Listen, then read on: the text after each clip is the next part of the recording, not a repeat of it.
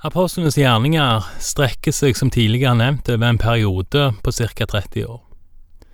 Men som flere andre bøker i Bibelen, så vies noen deler av historien mye mer plass enn andre deler.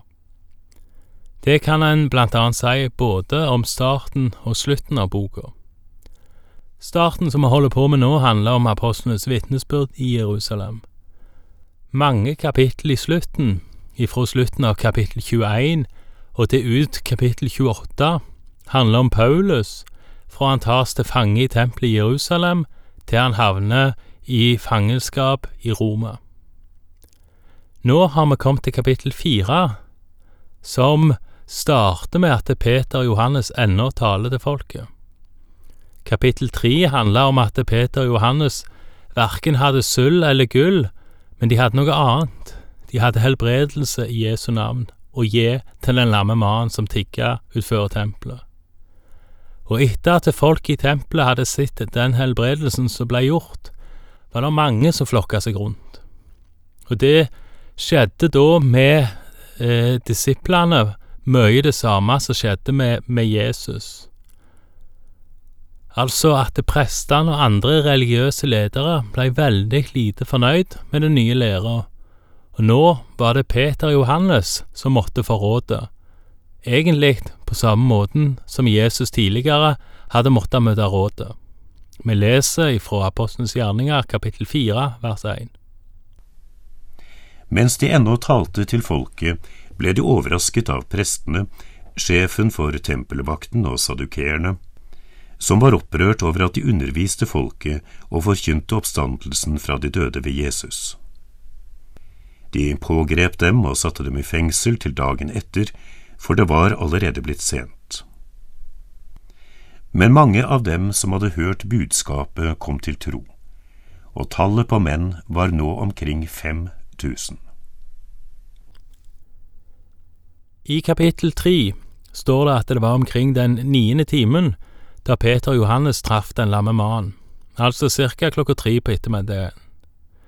Hvor lang tid det gikk ifra helbredelsen og påfølgende tale, vet vi jo ikke, men det nærmer seg vel kvelden, det virker i alle fall sannsynlig. Derfor så blei de satt i fengsel til dagen etterpå, noe som vel må tilsvare vår varetekt, altså at en blir fengsla i påvente av dom.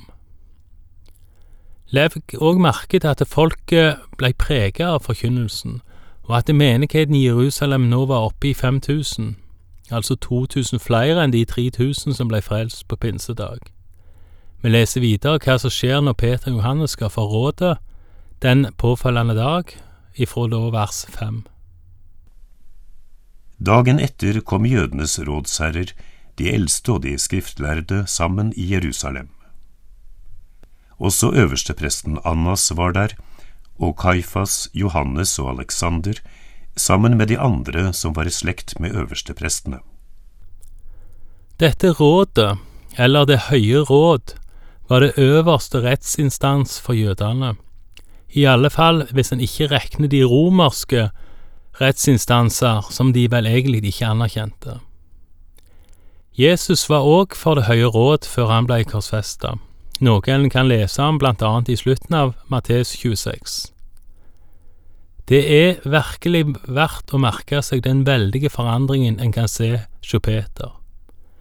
Når Jesus var for Det høye råd, så fornekta Peters sjøl at han i det hele tatt kjente Jesus. Og det var ikke foran rådet, det var blant de tilfeldige som var samla utenfor. Nå står sjøl Peter foran det samme rådet som var sterkt deltakende i at Jesus ble korsfesta og Peter viser fram helt andre trekk og en helt annen atferd enn sist gang han var i nærheten av Det høye råd. Vi leser videre fra vers sju. De lot apostlene bli ført fram og forhørte dem. Med hvilken kraft og i hvilket navn har dere gjort dette?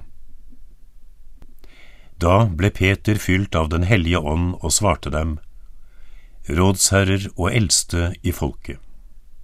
Når vi i dag blir forhørt på grunn av en velgjerning mot en syk mann, og blir spurt om hvordan han er blitt helbredet, så skal dere alle og hele Israels folk vite dette. Når denne mannen står frisk foran dere, er det ved navnet til Jesus Kristus Nazareren, han som dere korsfestet, men som Gud reiste opp fra de døde. Han er steinen som ble vraket av dere bygningsmenn, men som er blitt hjørnestein.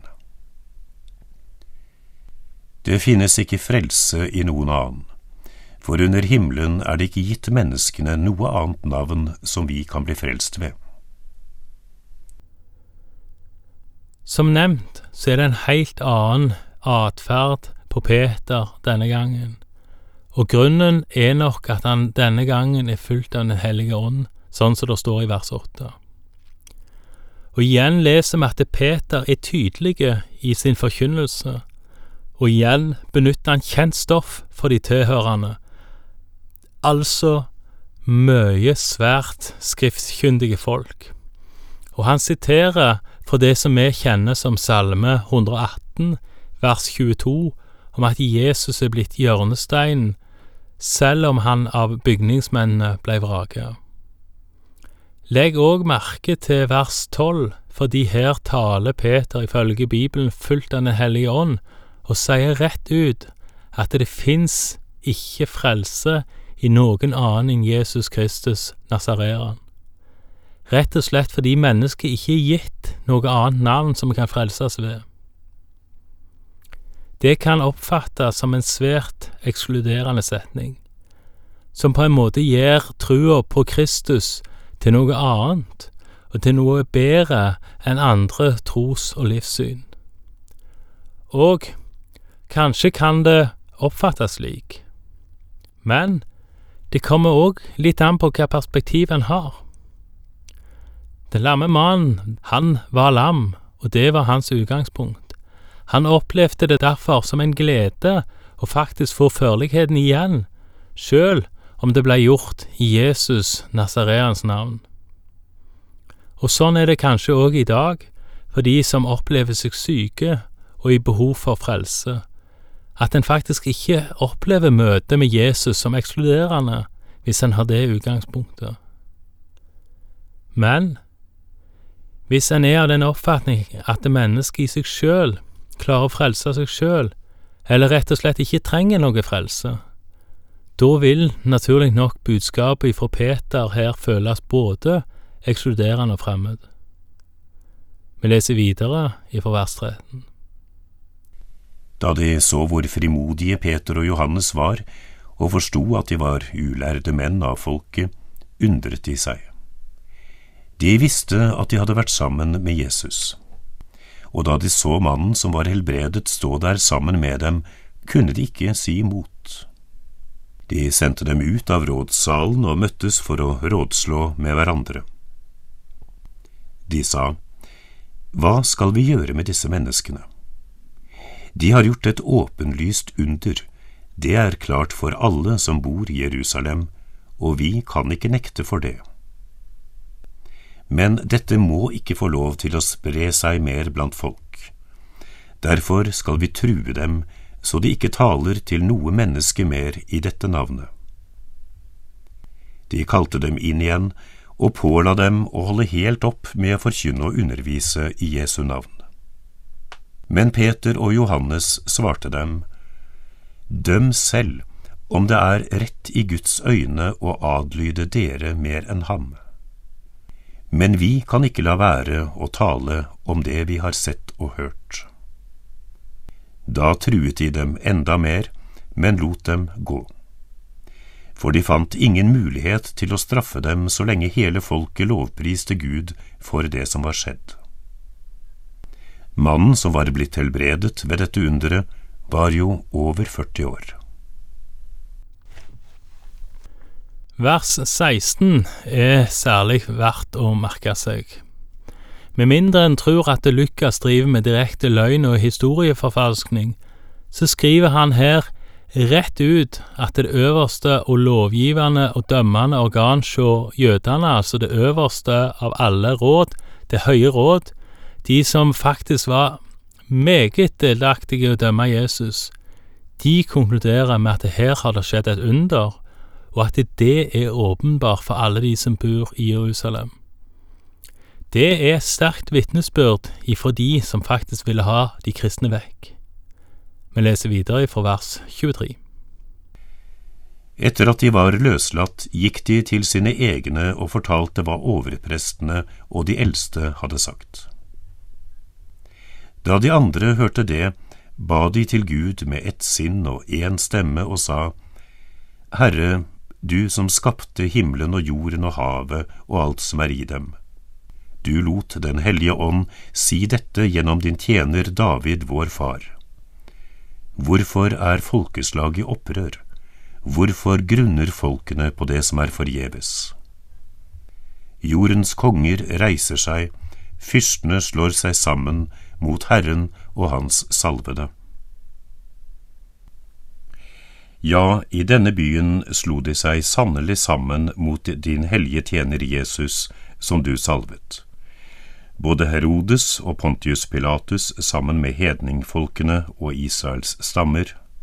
Alle har de gjort det som du ved din hånd og din vilje hadde bestemt skulle skje. Og nå, Herre, hold øye med truslene deres og la dine tjenere tale ditt ord med frimodighet. Rekk ut din hånd så det skjer helbredelser og tegn og under ved navnet til Jesus, din hellige tjener. Da de hadde bedt, skalv stedet der de var samlet. De ble alle fylt av Den hellige ånd og talte Guds ord med frimodighet. Alle de troende var ett i hjerte og sinn, og ingen regnet det de eide som sitt eget, de hadde alt felles. Med stor kraft bar apostlene fram vitnesbyrdet om at Herren Jesus var stått opp, og stor nåde var over dem alle.